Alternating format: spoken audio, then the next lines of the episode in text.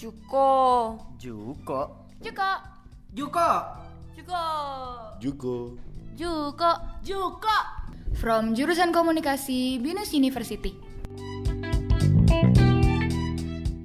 Halo, nama saya Alexandra Liani, saya dari kelas LA52 dan hari ini saya akan membagikan tentang buku Humor Seriously dari Jennifer Acker dan Naomi Bagnodas. Buku ini mengajarkan bagaimana humor dapat menjadi sebuah senjata rahasia dalam bisnis dan kehidupan. Menjadi lucu itu bukan bawaan lahir, melainkan sebuah keahlian yang dapat dilatih. Dalam membangun rasa percaya diri dan kreativitas, humor mempunyai manfaatnya tersendiri. Humor adalah seni yang bisa dipelajari, jadi tidak perlu merasa kalau kamu orang yang tidak lucu, tetapi ada formula yang perlu dipelajari untuk menjadi lucu. Dan kamu tidak perlu menjadi lucu seperti komedian, hanya dengan menjadi sedikit lucu sudah sangat membantu dalam karir dan kehidupan. Terdapat tiga hal penting yang terangkum dari buku ini. Pertama, hilangnya selera humor. Semakin bertambah tua, selera humor yang dimiliki semakin menurun. Hal ini dapat terjadi mungkin karena tubuh kita semakin melemah. Namun ternyata selera humor kita semakin hilang dimulai dari kita berumur 23 tahun. Berdasarkan survei, frekuensi di mana kita tertawa atau tersenyum mulai menurun. Sebagai gambaran, rata-rata anak berusia 4 tahun tertawa sebanyak 300 kali dalam sehari. Sedangkan rata-rata orang berusia 40 tahun butuh dua setengah bulan untuk bisa mencapai jumlah tersebut. Ketika kita memasuki dunia kerja, tiba-tiba kita berubah menjadi orang yang serius. Penulis melakukan survei kepada 700 pekerja dari berbagai industri. Respon yang didapatkan adalah banyak pekerja yang takut untuk menunjukkan selera humor karena dianggap tidak profesional. Padahal humor adalah cara terkuat untuk menjadi pribadi yang lebih dipercaya dan autentik. Humor juga mengurangi stres dan meningkatkan kolaborasi. Ini menunjukkan humor bukan lawan dari menjadi serius.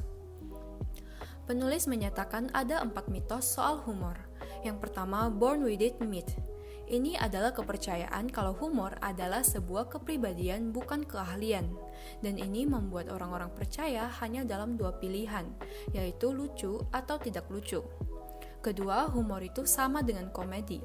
Ini adalah kepercayaan kalau untuk menjadi lucu diperlukan jokes yang sangat lucu seperti komedian.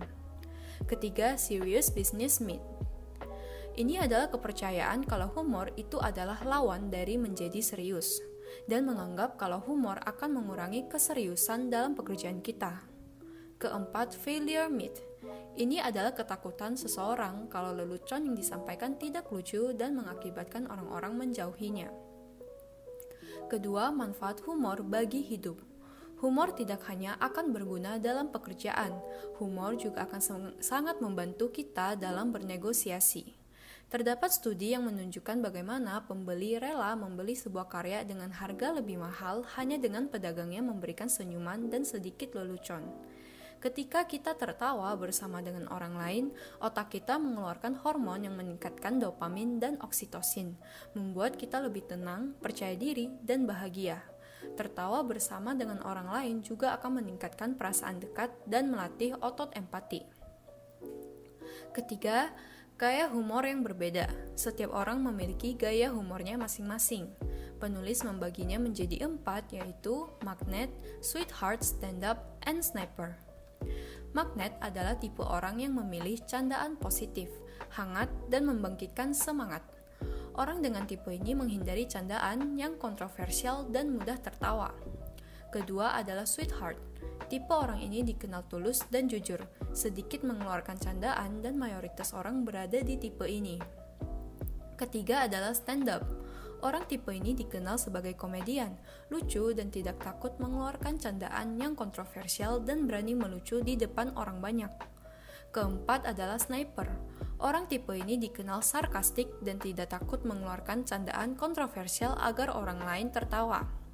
Apabila kamu penasaran dengan gaya humormu, silakan ikutin tesnya di website humorseriously.com. Sangat wajar apabila gaya humormu berbeda ketika kamu di tempat kerja dan di rumah.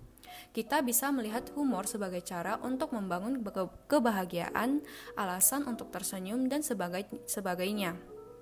Ingat, humor itu bukan bawaan lahir, tapi seperti otot yang apabila semakin digunakan akan semakin nyaman dan alami untuk membuat diri kita sendiri dan orang lain tertawa. Humor bukan lawan dari serius dan humor dapat membuat kita lebih disukai dan dipercaya. Saya harap setelah mendengar podcast ini, orang-orang mulai memberanikan diri menggunakan humor sebagai senjata untuk sukses dalam pekerjaan dan kehidupan. Sekian dari saya dan terima kasih.